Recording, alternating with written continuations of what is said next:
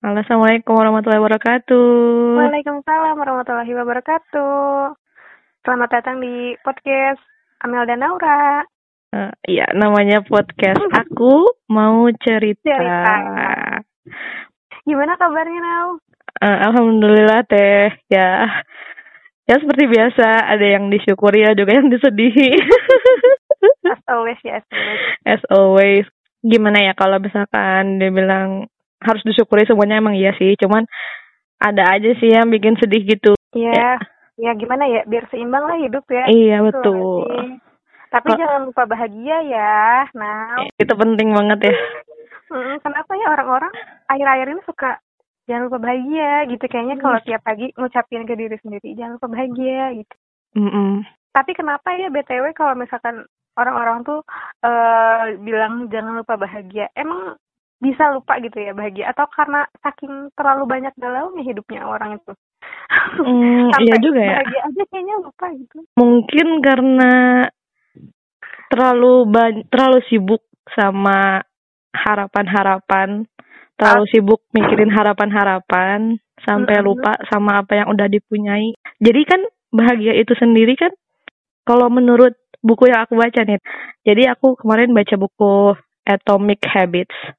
Mm-mm. Atomic Habits. Itu tuh emang lagi ini sih lagi bukunya lagi inilah lagi apa yang namanya banyak yang omongin gitu. Di komunitas-komunitas buku. Mm-mm. di komunitas-komunitas buku tuh lagi diomongin banget tuh si bukunya James Clear. Judulnya Atomic Habits. Di salah satu halamannya kata James Clear itu happiness is simply the absence of desire. Jadi eh kita tahu kan eh, desire itu keinginan, harapan-harapan lah gitu. Berarti kebahagiaan itu sebenarnya itu keadaan ketika kita tuh nggak punya harapan lagi gitu. Jadi Jadi- kita kayak terlepas dari sebuah harapan gitu ya.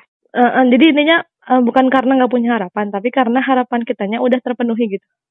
Mm, oh, Tapi bagaimanapun eh, happiness itu tetap aja bakal selalu ada karena kita nggak mungkin dong kita hidup nggak punya harapan gitu maksudnya teh. Jadi gini loh, jadi kita nggak mungkin hidup nggak punya harapan baru setiap harinya gitu loh. Pasti ada aja Mm-mm. kan, walaupun sesimpel harapan mau makan gitu misalkan kita mau makan. Tapi kalau misalkan kita udah- pengen makan, terus makanannya tahu-tahu nggak ada atau gimana, pasti happiness kita juga hilang gitu. Mm-mm. Mm, gitu. Kalau menurut Teteh gimana? Hmm, kalau menurut aku pribadi ya, eh kalau misalkan aku sering denger gitu ya, kalau ada yang berceramah gitu mungkin, Mm-mm. katanya kalau bahagia itu kan bersyukur ya artinya. Mm-mm. Ya mungkin ada kaitannya juga sama harapan ketika kita hmm, apa ya nggak terlalu berekspektasi sama yang di luar yang kita miliki gitu. Jadi kita fokus ke mensyukuri apa yang kita punya. Mm-mm. Jadi nggak terlalu berekspektasi terlalu tinggi yang di luar itu gitu. Mungkin eh, makna dari bersyukur. Makanya bahagia itu bersyukur. Benar. gitu. itu yang yang pernah aku dengar dari ini ya yang teman-teman yang suka eh, berceramah gitu. Eh, kemarin-kemarin aku sempat dengar juga nih Nel. Aku habis dengerin podcastnya Kak Gary Ardian episode yang terakhir itu ada hmm, bahas tentang bahagia. Jadi kata dia dia itu baca di salah satu hmm, filosofi namanya filosofi Stoisme atau apa gitu Stoa Eh, jadi aku searching di Google tuh filosofi itu tuh eh, dari Yunani gitu filsafat dari Yunani lah kurang Mm-mm. lebih.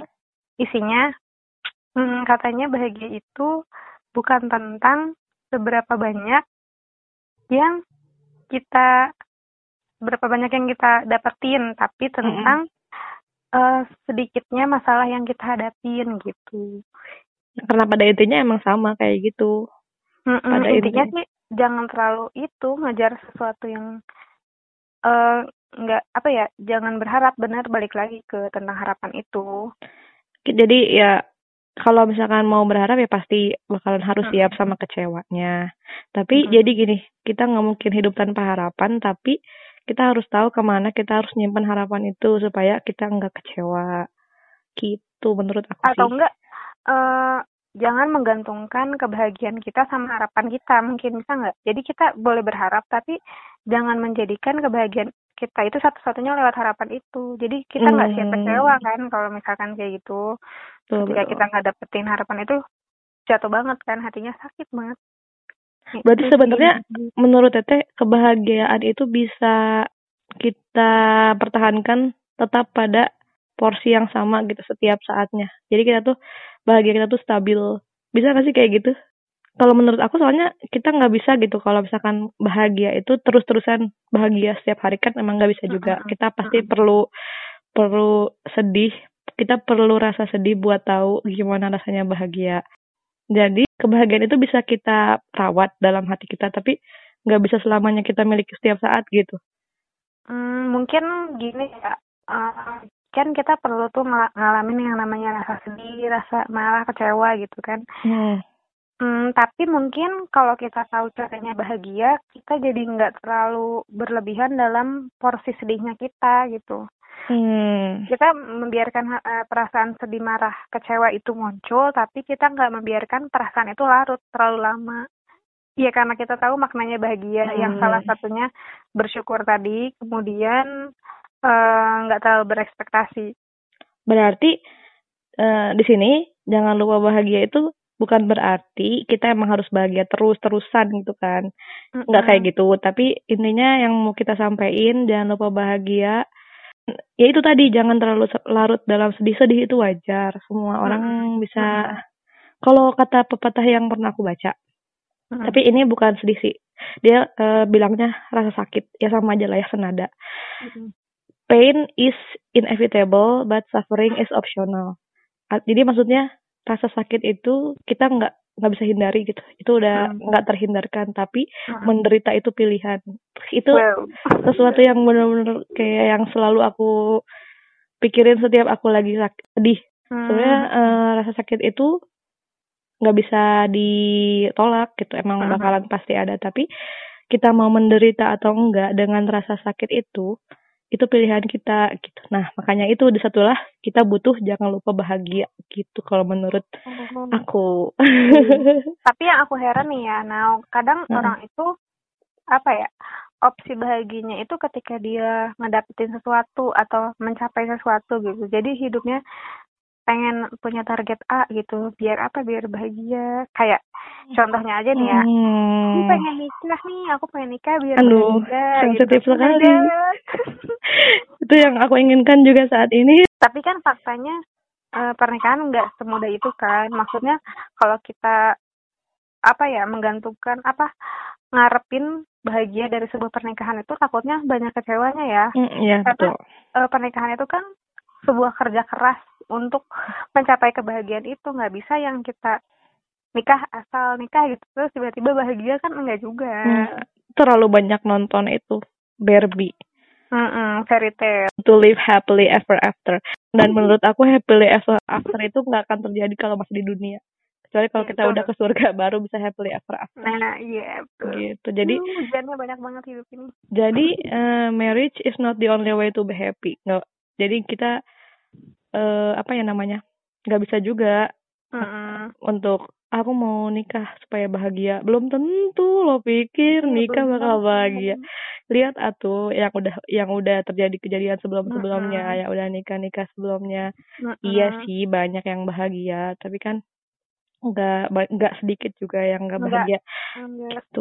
nggak semena-mena tiba-tiba bahagia gitu kan ada sesuatu yang mereka Hmm. usahakan ada ego yang harus diturunkan gitu. Hmm, Jadi kita nggak bisa mengeneralisir nikah itu pasti bahagia nggak bisa, Mm-mm. tapi intinya kita jangan jangan menggantungkan bahagia itu pada pernikahan enggak bahagia itu bahagia itu enggak bukan ada pada pernikahan bukan ada pada pencapaian bukan ada pada yang begitu begitu begitu.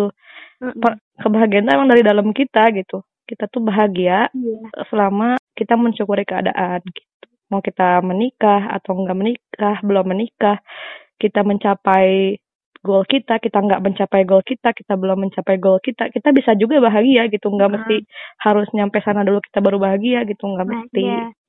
Mm-mm, betul. Kan aku juga pernah dengar nih, nah katanya jangan menikah karena bahagia. Jadi eh, kalau bisa kamu tuh eh, kamu tuh jadi pribadi yang bahagia terus Mm-mm. nanti ketemu sama seseorang yang bahagia juga baru kalian menikah gitu jangan kalian Menikah. eh, pelarian untuk kebahagiaan itu melalui menikah gitu Jadi jangan Ya mencari bahagia itu dalam pernikahan gitu, tapi kita harus Mm-mm. udah bahagia dulu. jadi kayak pelarian gitu kan nikah Hmm. buat bahagia berarti berarti dia mikirnya lari dari masalah misalkan dia sendirinya itu penuh dengan kerumitan aku pengen bebas nih Hmm. dari kerumitan ini gitu Iya aku mau nikah aja gitu Soalnya kalau kita masih sendiri aja gitu ya, kita masih sendiri, kita dalam kerumitan, kita nggak bisa keluar dari kerumitan itu. Nah kita ntar eh, nyari pasangan supaya kita bahagia katanya. Nah justru kalau misalnya kita masih dalam keadaan kerumitan, bertemu dengan orang yang ya ya syukur kalau ketemunya sama yang bahagia gitu ya. Heeh, maksudnya. syukur-syukur Tapi ya. kalau kalau kita ketemu sama yang bahagia apa apa kan bakal ada kemungkinan buat kita nularin ketidakbahagiaan kita ke dia. Dan kalau misalkan lebih-lebih dapetin yang nggak bahagia juga. Yang tadinya beban nggak bahagianya cuma satu orang jadi dua orang, bukannya tambah Nah, iya. bukannya tambah susah ya menurut aku beban gitu. ya Mm-mm, benar Eh, benar-benar jadi harus selesai sama diri sendiri dulu. Ya selesai itu bukan berarti harus perfect sih, cuman bisa Eh, dihandle gitu ya ya gitu, Mm-mm. kayak gitu. Iya betul. Terus terus selain tentang pernikahan, aku juga kadang dengar ya tentang bahagia yang lain. Eh, kayak apa ya orang tuh mungkin eh, dalam sebuah masalah tapi dia tuh pengen melakukan sesuatu biar bahagia. Hmm, pokoknya kayak melakukan sesuatunya yang kadang tuh dipikir di pikiran aku tuh kayaknya enggak enggak harus gitu sih gitu. Tapi dia bilang dengan alasan ya aku pengen bahagia aja gitu. Kayak dia Co- tuh contohnya, contohnya, contoh konkret contohnya ya. apa ya? Kurang bisa memahami nih aku. Atau mungkin kayak gini. Atau mungkin eh, misalkan tergantung sih. Kita misalkan mau cari bahagia itu ya bahagia karena bahagia itu sesuatu yang baik ya. Kita juga harus carinya dengan jalan yang baik. Jangan kita nyari bahagia dengan cara misalkan nyakitin orang lain. Jangan Mm. kita cari bahagia dengan cara misalkan minum-minum kayak gitu ya misal. Jangan juga kita cari Hmm. bahagia dengan eh, apa ya membandingkan membandingkan maksudnya gini aku pernah baca sih di mana ya kamu tuh misalkan harus bersyukur punya punya kaki dua bisa jalan. Bayangin orang yang gak punya kaki gitu kan misalkan kayak gitu. Gimana ya itu bagi aku rada kurang baik aja rasanya. Harusnya ya bersyukur bersyukur aja karena apa yang kita punya bukan bersyukur karena yang orang lain nggak punya dan ada di kita gitu. Mm, ap- apa ya istilahnya ada istilahnya tuh di psikologi tapi aku lupa aku pernah baca kayak gitu. Awalnya juga aku dulu kayak gitu suka banding bandingin kan. Oh aku harus sendiri. bersyukur Ke diri sendiri. sama orang lain gitu yang yang Kalau yang istilahnya istilahnya mungkin lebih nggak beruntung daripada aku gitu. Enggak, maksudnya kamu memperlakukan seperti itu ke diri sendiri. misal oh enggak. Eh kalau ke orang lain sebenarnya aku ngomong gitu misalkan coba kamu tuh Oh, harusnya curhat gitu bersyukur gitu, coba lihat si ini si itu dan setelah aku Hmm. baca artikel itu iya juga ya sebenarnya tapi kalau misalkan gini ya kalau misalkan kita menurut aku ya menurut aku kalau kita cuman di dalam hati kita sendiri gitu mikirinnya nggak masalah sih sebenarnya kalau kayak gitu karena emang gak ada yang tahu dan gak ada yang tersakiti dengan pemikiran kita Mhm. gitu kan Hmm. tapi kayaknya kalau kita udah omongin ke orang lain, kalau ada yang denger gimana? Maksudnya dia bakal sakit hati nggak orang yang kita omongin? Maksudnya yang kita bandingin itu sakit hati kan pasti. Kecuali kalau emang cuman di dalam hati kita doang, yang denger cuman kita doang, yang tahu cuman kita Iya. doang. Itu sih mungkin nggak begitu masalah sih kalau menurut aku.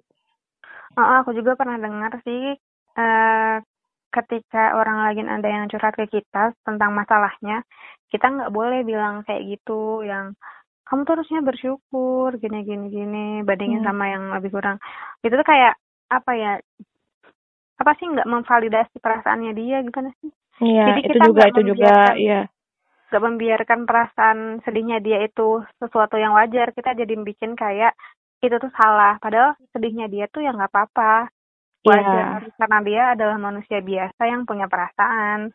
Iya, betul kayak betul. ini, apa sih, toxic positivity ya? Iya, toxic positivity ya benar benar benar benar. Nah, Iya itu. Mm, Kamu harus sabar, kamu harus bersyukur. Mm-mm, Eh, not mm-mm. that easy, nggak semudah itu. Nah, Hmm. jadi kalau kita ngomong kayak gitu justru satu kita bakal nyakiti, nyakitin orang yang tadi yang kurang, maksudnya yang yang dibandingin sama teman kita tadi yang kekurangan. Kedua kita nyakitin teman kita karena kita nggak membiarkan dia meng- meluapkan emosinya dulu gitu kan. Ya udah let let it be aja gitu, let it ya selama kita cuman tugas kita ya memastikan dia tetap ada pada koridor yang benar gitu. Dia jangan Hmm. sampai jangan sampai melakukan hal yang salah kayak misalkan suicidal gitu kan bunuh diri atau Hmm. gimana. Itu itu yang harus kita hindari. Cuman kalau mereka sedih mah wajar lah. Kita cukup Hmm, temenin wajar. aja gitu. Temenin dengerin. Kalau buat cewek dengerin. Kalau cowok tuh menurut buku, buku yang aku baca enggak.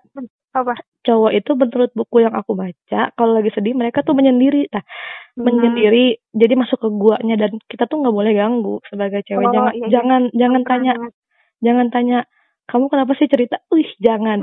Kalau cowok lagi sedih jangan tanya kayak gitu. Biar aja dia dealing with himself. Karena dia eh, pada saat itu dia punya apa ya namanya ego sebagai laki-lakinya tuh muncul. Dia nggak mau lah terlihat lemah di depan wanita Hmm. apalagi gitu kan. Makanya ya udah biarin aja. Nah kalau cewek yang sedih dengerin. Dengerin pokoknya dengerin dia. Dengerin jangan dikasih solusi apa jangan dikasih solusi.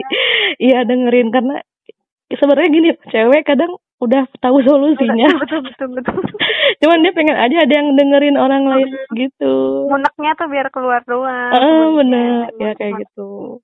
Gitu. Mm-mm.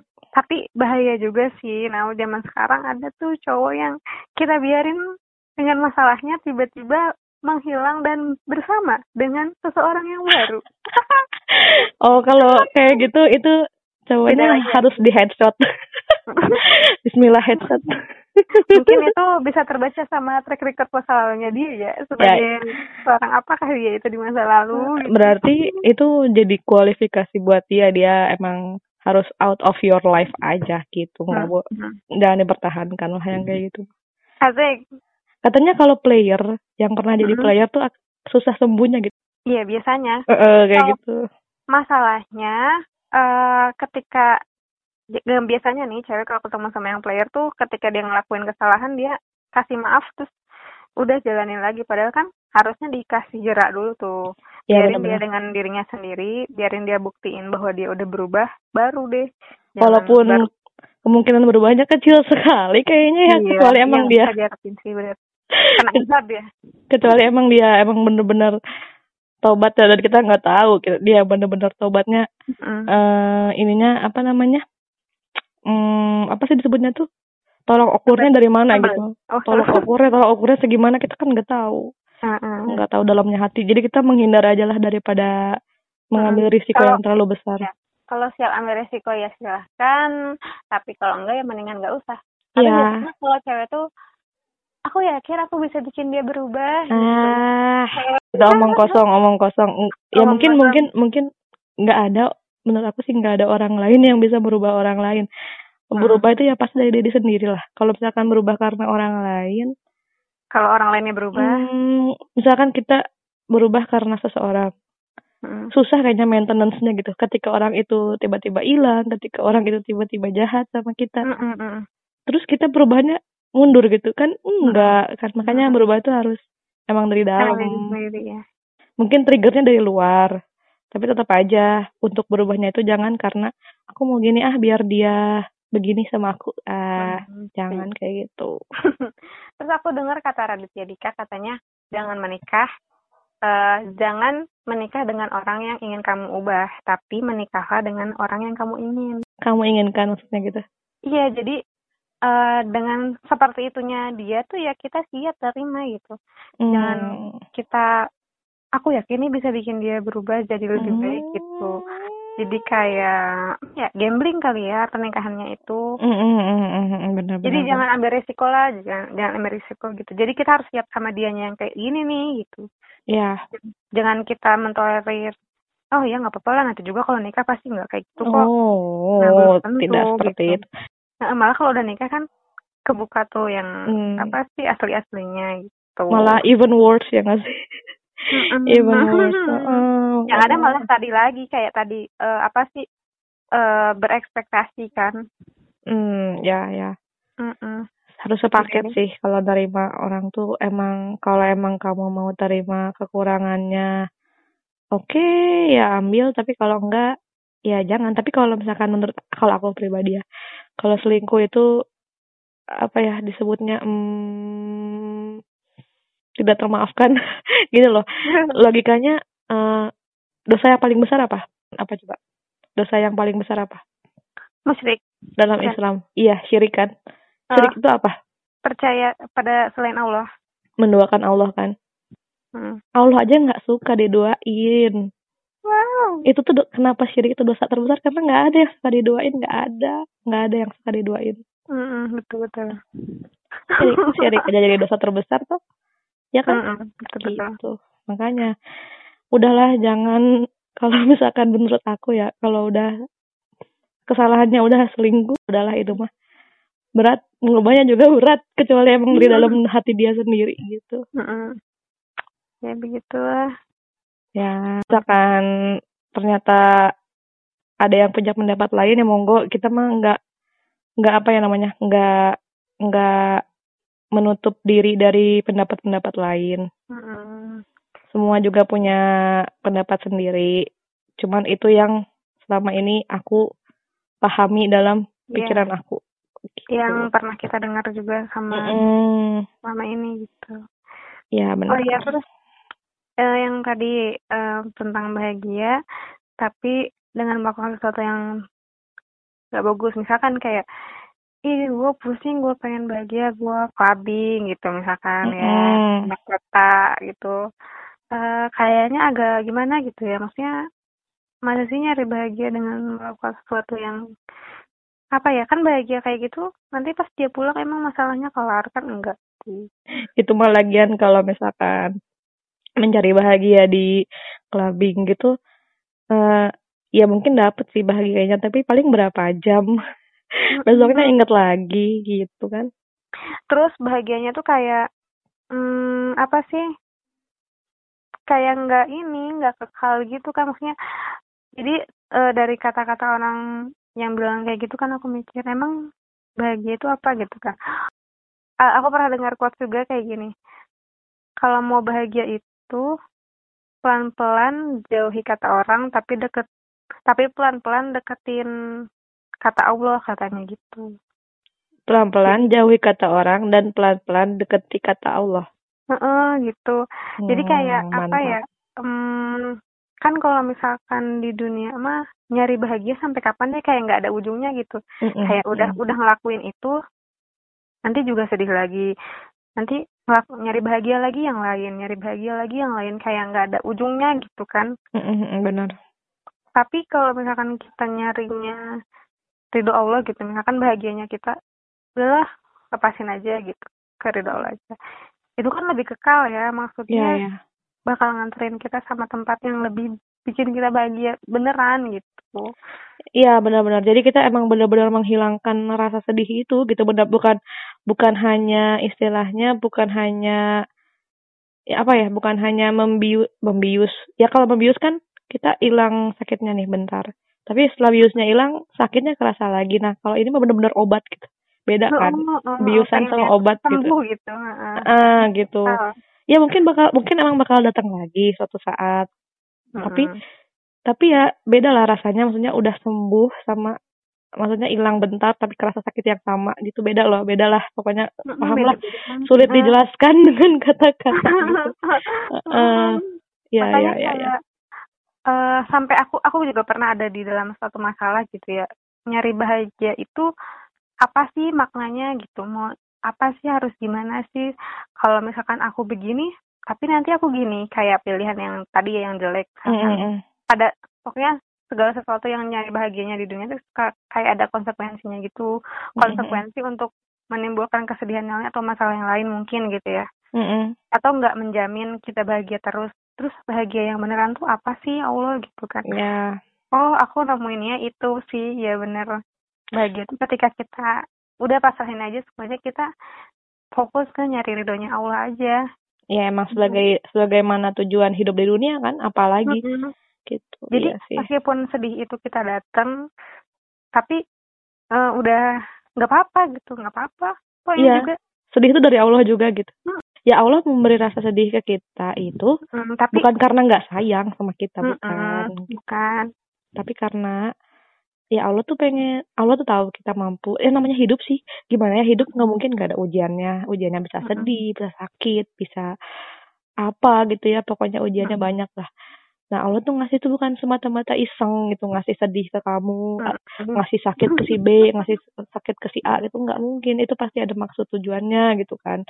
Itu pasti ada ada hikmahnya. Nah itu yang harus kita cari, kita harus kita yakini gitu. Jangan ih ya Allah aku sedih terus apa Allah benci sama aku. Oh Mm. enggak, enggak kayak gitu, enggak kayak gitu ceritanya gitu. Allah tuh Pasti ada ada cerita baik lah gitu ya. Pasti. Cuman kita- itu. Mm-mm, cuman masalahnya kita terbatas, pikiran kita terbatas, otak kita terbatas, hati kita terbatas buat memahami di mana hikmah itu. Jadi kita tetap Mm-mm. perlu untuk mencari gitu, tetap perlu Mm-mm. waktu buat tahu apa sih sebenarnya yang mau Allah beri pelajaran dari kesedihan yang dikasih ke kita gitu. Mm-mm. Jadi kalau misalkan udah urusannya sama Allah, kita mau bahagia, kita mau sedih, ya udah gitu. Apa sih istilahnya ada yang kata siapa ya yang sangat ini sangat indah urusan seorang muslim ketika ketika ia bahagia ia bersyukur dan ketika ia sedih ia bersabar. Pernah dengar gak deh? Pernah kan? Pernah dengar pernah Ah, dengar itu itu banget itu tuh benar-benar sebuah prinsip yang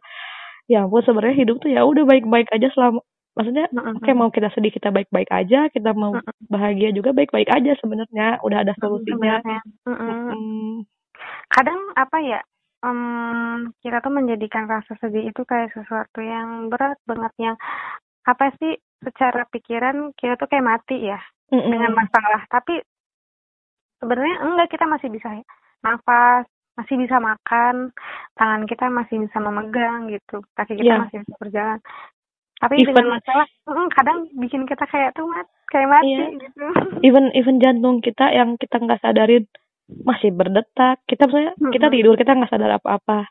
Nafas Mm-mm. kita masih bisa, jantung masih berdetak, darah masih ngalir, masih berfungsi semua organ-organ. Mm-mm.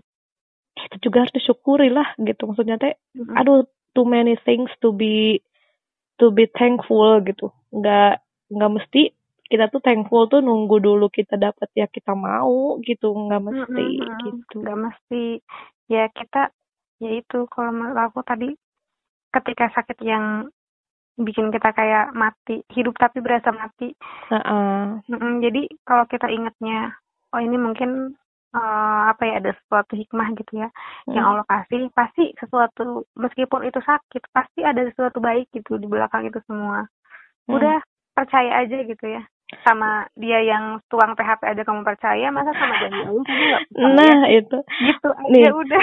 kalau aku pribadi ya teh aku punya Iya. tiga aku punya tiga pepatah yang aku pegang dalam hidup aku buat apa tuh? aku bahagia gitu ya. Ini Iya. pepatah ini eh, yang aku tulis satu di buku di buku apa namanya tuh buku kalau kita lulus tuh dari SMA suka bikin buku apa namanya tuh ya? Tahunan. Eh, semacam buku tahunan ya buat angkatan yang lulus gitu kan Mm-mm. yang aku tulis di CV sama yang aku tulis di eh sama yang aku tulis di dulu di story WA sih eh sorry bukan story status status WhatsApp dulu ada kan status WhatsApp tuh Ah, ah. ada tiga itu yang pertama Mm-mm. yang status WhatsApp dulu ya itu yang tadi Iya. yang pain is inevitable but suffering is optional itu Mm-mm. itu bener-bener kayak dek gitu ke hati aku teh Mm-mm. Nah yang kedua yang aku tulis di CV di kurikulum vitae aku yang buat ngelamar kerja aku kan suka nulis moto gitu ya Mm-mm. eh itu kata-katanya if everything has been written down so why worry jika semua hal Oh. sudah tertuliskan buat apa khawatir gitu. Mm-mm. dan yang nulisinnya tuh siapa bukan bukan sutradara yang di TV TV bukan yang nulis tuh sutradara yang paling berkuasa di dunia itu yang paling Mm-mm. tahu segalanya dari daun yang jatuh daun yang gugur maksudnya dari Mm-mm. semut yang mati tuh tahu semuanya itu siapa Allah jadi kita udah kalau udah tulis sama Allah tuh kita nggak usah khawatir maksudnya udahlah pasti pasti ada bagus. kebaikan gitu pasti ada kebaikan Mm-mm. nah yang Pasti ketiga yang terbaik gitu yang ketiga yang aku tulis di eh, buku tahunan itu not happy people who are thankful but thankful people who are happy. Bukan orang bukan orang yang bahagia yang bersyukur tapi Oh, orang iya. yang bersyukur yang bahagia. Wow. Itu pokoknya tiga tiga pepatah yang eh, jadi moto hidup aku lah intinya tiga itu. Kayak gelap gitu banget ya? Iya yang benar-benar gila gitu. Iya benar-benar oh nusuk banget gitu. Oh aku bakal selalu inget ini gitu. Mm-mm. Ya keren Gitu. banget sih kata-katanya luar biasa itu dan itu sebenarnya nemunya juga nemunya dari ada yang dari internet, ada yang dari mana, tapi itu benar-benar udah terpatri lah itu pokoknya Mm-mm. selalu aku recall, selalu aku inget-inget ketika aku lagi sedih, ketika aku lagi nggak bersyukur. Eh, ada satu nih, ada satu lagu yang lumayan healing buat aku kalau lagi sedih. Apa tuh? Itu lagunya Ebit GAD tahu kan penyanyi lawas. Itu punya lagu judulnya Bila Kita Ikhlas. Coba deh dengerin. Nggak tahu. Pokoknya nanti buat iya semua deh. yang dengerin ya. Ini Oke, cobain oke, denger lagu Bila Kita Ikhlas. Itu lagunya bener-bener buat kita merenung, buat kita ya ampun bener banget sih hidup tuh gimana ya? Ah pokoknya tentang mencari kebahagiaan itu gitu. Kebahagiaan Mencari itu makna gitu ya. Mm, jadi bahagia itu bukan dengan merebut milik orang lain, bukan. Bahagia itu denger deh, pokoknya denger denger Mm. lagu itu. Aku pesan banget dan itu benar-benar lagu healing. Kalau aku lagi misalkan gagal dalam suatu hal, Mm. aku pasti dengerinnya lagu itu dikencengin di kamar sambil nangis, kadang kayak gitu aku. Jadi salah satu lirik yang paling kena di lagu itu tuh bagian eh, bila kita ikhlas, Tuhan bakal memberi. Dialah yang paling mengerti apa yang kita perlukan. Jangan terlalu banyak menuntut. Rizki telah dibagi. Pasrahkanlah saja semua kepadanya. Uh, itu tuh kalau denger lagu itu ya, kayak yang Luar biasa. gitu ke hati teh. Ya ampun, Naura sadar-sadar kamu tuh udah banyak banyak banget yang harus disyukurinya gitu. Kenapa harus fokus sama hal yang kamu nggak punya? Kenapa harus fokus sama hal yang nggak bisa kamu dapetin? Sementara banyak hal yang udah aku dapetin dan belum aku syukurin gitu. Mm, mm, mm. Jadi tiba-tiba tenang gitu ya. Mm, Coba deh, bener-bener itu lagunya bagus, emang healing banget. Ya mungkin semua orang punya cara healingnya sendiri ya. Kalau aku cara healingnya dengan dengerin lagu kadang atau dengan tulisan gitu. Atau kalau sholat mungkin ya sholat juga Mm, mm. sambil nangis. nah itu pasti udah paling enak lah, cobain aja deh. Mm, Kalau ada cara baik untuk bahagia, kenapa harus pakai cara yang gak baik? Tapi kan kita kadang nggak bisa kontrol diri kita pas kita lagi kalut lah gitu. Maksudnya Iya, benar. bener sih. hmm, pengen bebas sendiri ah, pengen gini. Gak tau kayaknya kalau melakukan hal yang buruk mungkin kayak apa ya? Tapi ini gak sih menurut Teteh eh, manusia zaman sekarang kalau lagi sedih tuh malah cenderung lebih dekat sama Tuhan dibanding ketika lagi bahagia. Maksudnya ketika Ah, lagi betul, betul, lagi di atas angin gitu, lagi yang happy ah. banget lah. Kadang dia suka ah udahlah lupa lupa bersyukur lah, betul, lupa. betul, terus Iya sih. hmm, susah sih untuk di- dikatakan dengan kata-kata intinya ketika Kayak harus ditampar dulu baru sadar Iya, gitu. tak gitu, kayak gitu. Jadi Hmm. bahkan kadang takut nggak sih kayak gitu tuh, misalkan kita meninggalkan sholat, kita Hmm. meninggalkan ibadah-ibadah yang diwajibkan sama Allah, tapi Allah tetap ngasih kita kebahagiaan, Allah Hmm. tetap ngasih kita rezeki, Allah tetap ngasih kita pangkat misalkan atau kerjaan yang baik dan sebagainya. Mm-mm. Malah takut jatuhnya istidroj nggak sih? Mm-mm. Tapi emang kalau selama di dunia sih dia nggak akan ngerasa itu apa ya? Mm-mm. Kalau ya tahu-tahu nanti amit-amit ya tahu-tahu pas di akhirat aja.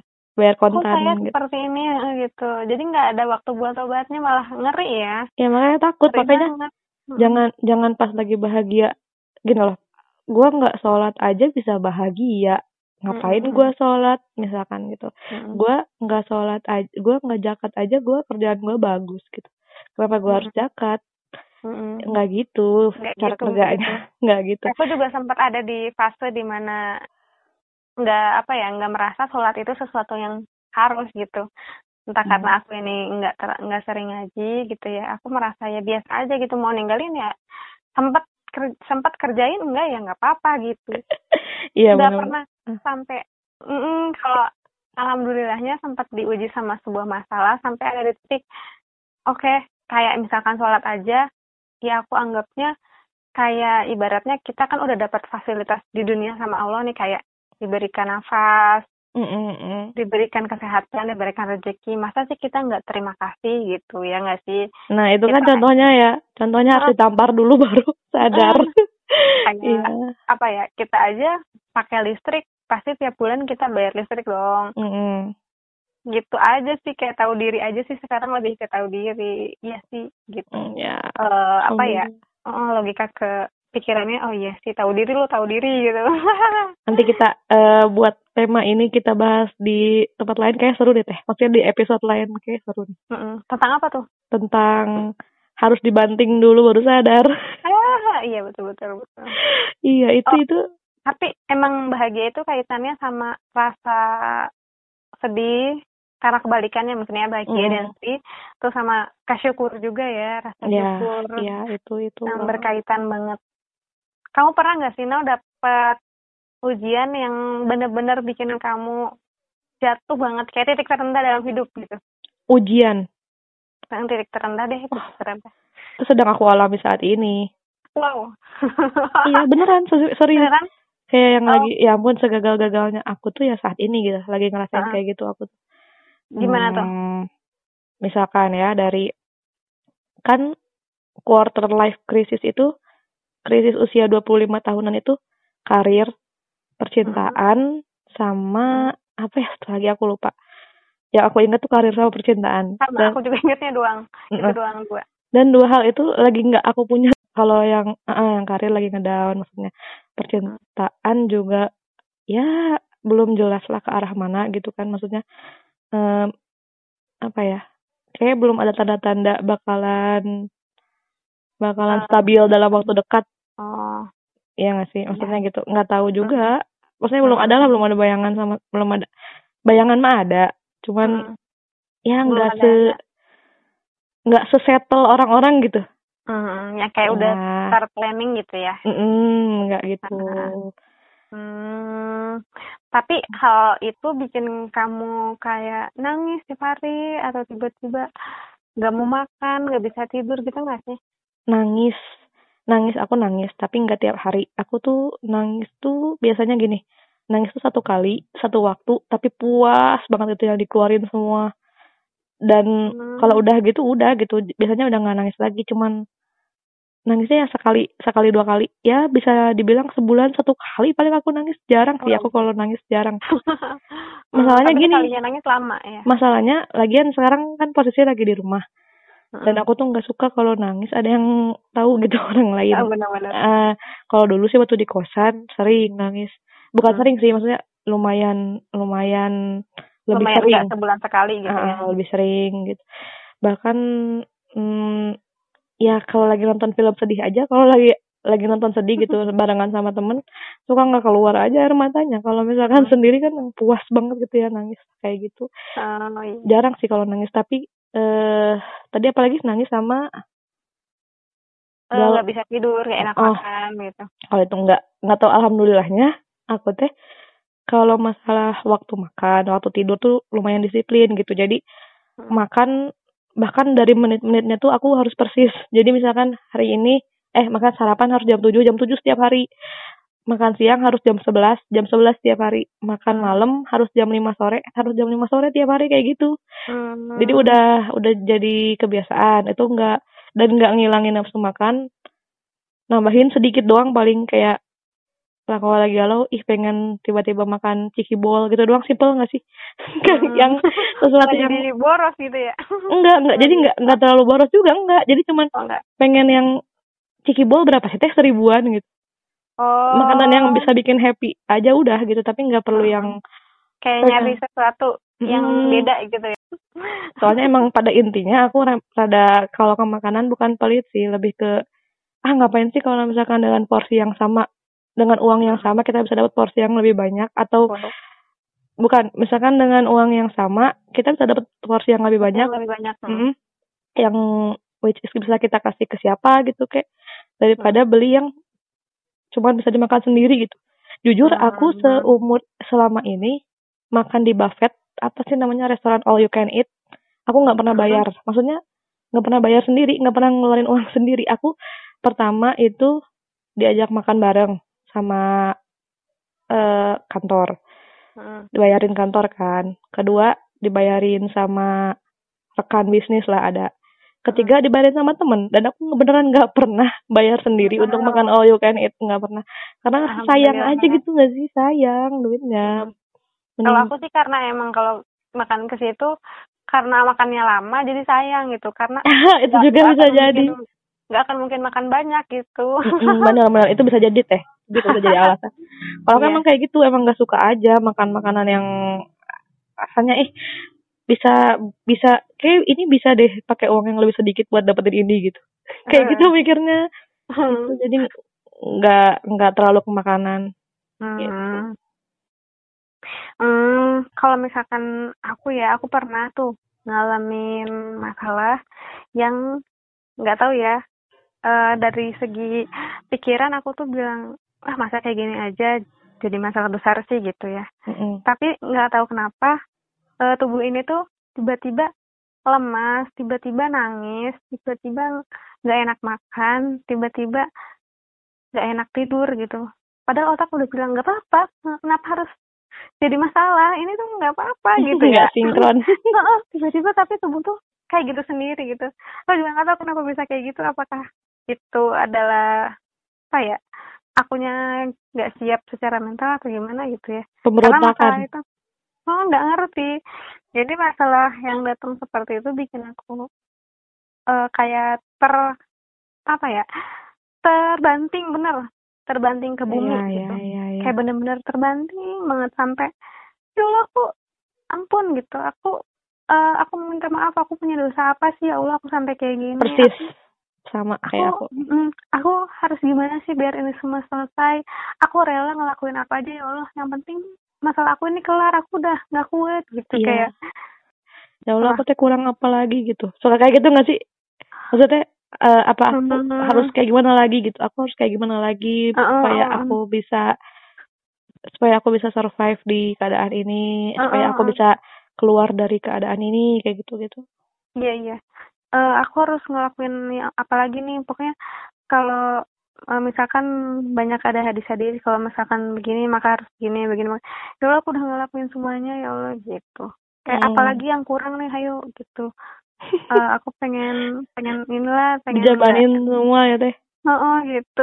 dulu tuh kayak Eh, gitu. Tapi silakan. ternyata em, kalau sekarang aku lihatnya ya nggak apa-apa itu tuh biarin aja terjadi gitu. Bukan berarti Mm-mm. kamu itu salah, bukan berarti kamu itu lagi dihukum, bukan berarti kayak gitu gitu. iya Nggak apa-apa itu memang memang apa ya bagian dari sebuah proses. betul Kalau kamu nggak nggak ngelewatin masalah itu, kamu nggak akan jadi kamu yang sekarang gitu. iya Oh iya iya iya iya gitu kalau sekarang karena udah survive ya jadi bisa mikir ke situ Ah, tapi ah. pas kejadian sih enggak nggak bisa enggak sama sekali. pas lihat ke belakang teh ya pun I have I have passed eh udah udah melewati gitu ah tenangnya oh ternyata aku bisa melewati ini gitu ya Mm-mm. lagi pula gini sih teh menurut aku ya Hmm. kalau kita udah namanya jatuh ke bawah Hmm. banget bawah sampai bawah banget yang nggak bisa ke bawah lagi udah bala- dalam Hmm. udah dalam keadaan ternadir nadirnya gitu ya Mm-mm. udah terbawa bawahnya ke mana lagi jalan selain naik Mm-mm, betul. udah pasti udah habis ini pasti kita bakalan bakalan membaik gitu gini Hmm. malam malam karena aku sering camping dulu ya Mm-mm.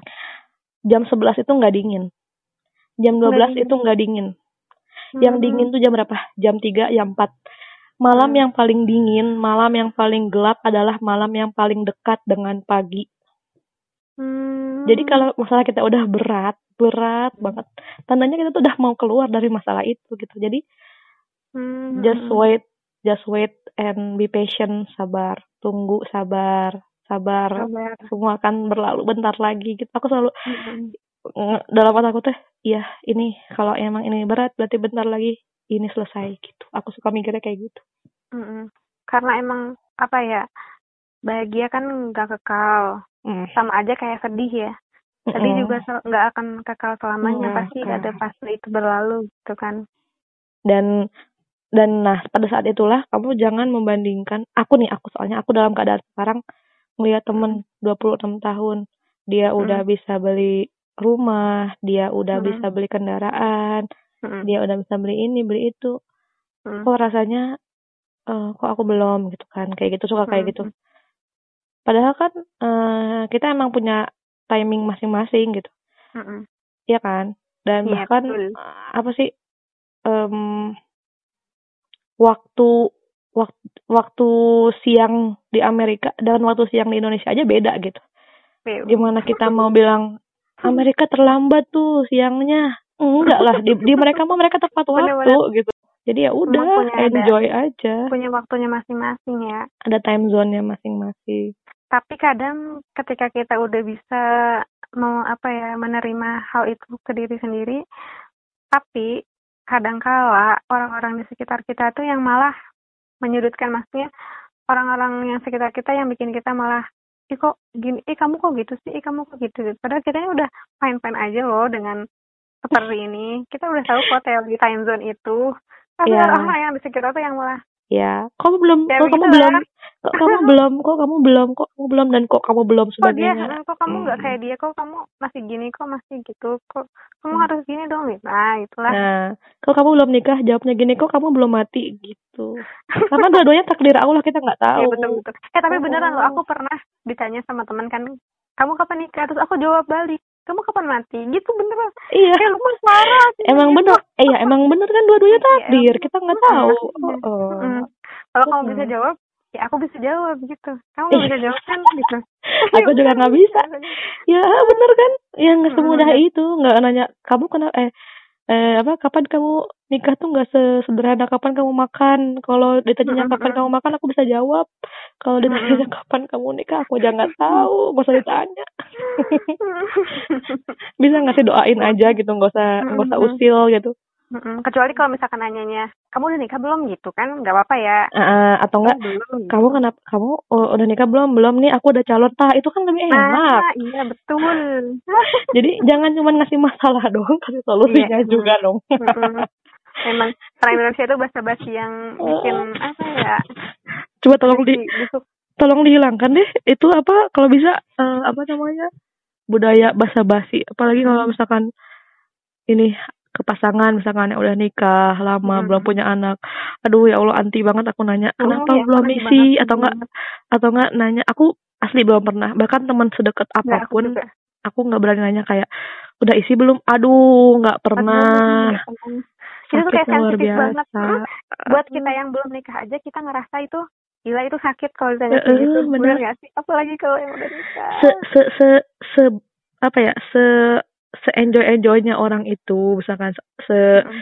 se nyantuy nyantuinya orang itu Mm-mm. ya kita nggak tahu dalam hati dia sakit hati apa enggak tolong dong gitu Mm-mm. maksudnya jagalah mulutnya nggak Iya, usah nggak usah lemes kalau kata orang Sunda mah ya Mm-mm. Heeh. masih banyak pertanyaan lain nggak sih buat basa-basi nggak usah pakai yang nyakitin Mm-mm. Emang kayak nggak ada bahasan lain aja gitu orang sini tuh ya. Mm-mm. kalau mendingan ah pakai ih kamu kok cantik sih sekarang? Ih kamu jadi glowing sekarang. Kan enak tuh. Tapi jangan bohong juga kalau misalkan Mm. keadaannya.